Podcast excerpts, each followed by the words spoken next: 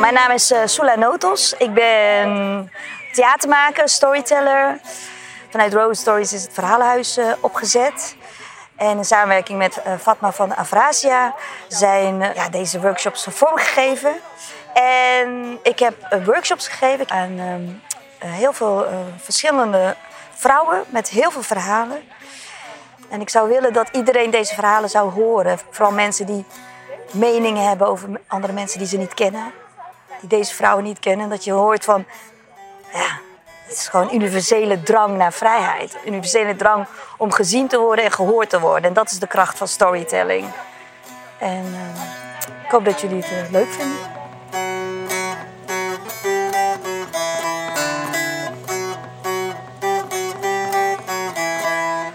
Ik heet Fatma Nedret. Ik ben 45 jaar. Ik kom uit Oost-Turkije. En wij hebben, toen ik klein was, wij hebben grote gezinnen. En leuke gezinnen, zeg maar, wat ik een kind had. En uh, daar heb ik heel leuk meegemaakt. Ik wil vertellen van mijn grote moeder. En de grote moeder, ik wil graag elke dag bij haar zijn. Omdat mijn grote moeder laat mij verwennen. En wat ik wil, dan doe ik daar. Maar helaas, mijn moeder mag ik niet. Moet ik met mijn grote zus helpen, zeg maar tuin helpen, voor de dieren helpen. Moet ik takjes doen van thuis, moet ik heel veel. Maar mijn grote moeder, wat ik wil, kan ik alles doen, spelen, met kinderen zijn. Maar als ik thuis ben, ik heb gewoon, ik mag geen kind zijn. Ik moet heel veel dingen doen.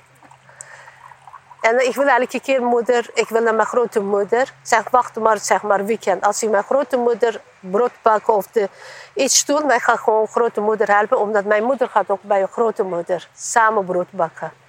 Ik vind het zo leuk bij mijn grote moeder. Omdat grote moeder dus gewoon... Mijn moeder zijn, is uh, lang en dik. En was ook te mooi. En ook uh, heel lief. En hij altijd, hebt, altijd is dominant voor hem, maar lach altijd. Lacht altijd. Omdat wij zijn meisjes, mag niet meisjes laten verwennen. En dat staat zo gezien. Jong, jongeren daar hebben de macht, maar meisjes niet. En dan bij mijn grote moeder, ik ben blij omdat ze brood bakken. Voor dan brood bakken ze popcorn maken voor de zeg maar, uh, oven. Niet oven, wij noemen het tander. Ja, in de grond oh. maken ze vuur vind ik ook leuk. En dan ga ik die, zeg maar takjes ingooien. Mijn moeder mag ik niet, mag er niet spelen. Maar ik ben gewoon... Uh, ik kan niet wachten op die popcorn. ik wil zo graag die popcorn opeten. Maar we alle kinderen, wij hebben gewoon nichtjes, neefjes, heel drukke familie. Wij zijn daar allemaal spelen. En dan als de oven klaar is, wij gaan de popcorn... Mijn grote moeder maakt popcorn, roept kinderen kinderen pakken ze allemaal in één keer. Ik heb helemaal niks over. En de grote moeder pakt ze en dat geeft ze aan mij.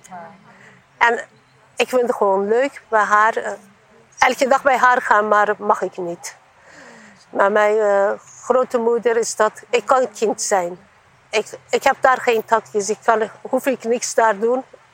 Wat ik wil, dan speel ik mijn neefje en neefje allemaal. Zeg maar bij zand, met grond. Wat ik wil. En daar hebben ze bomen, zeg maar, uh, fruitbomen.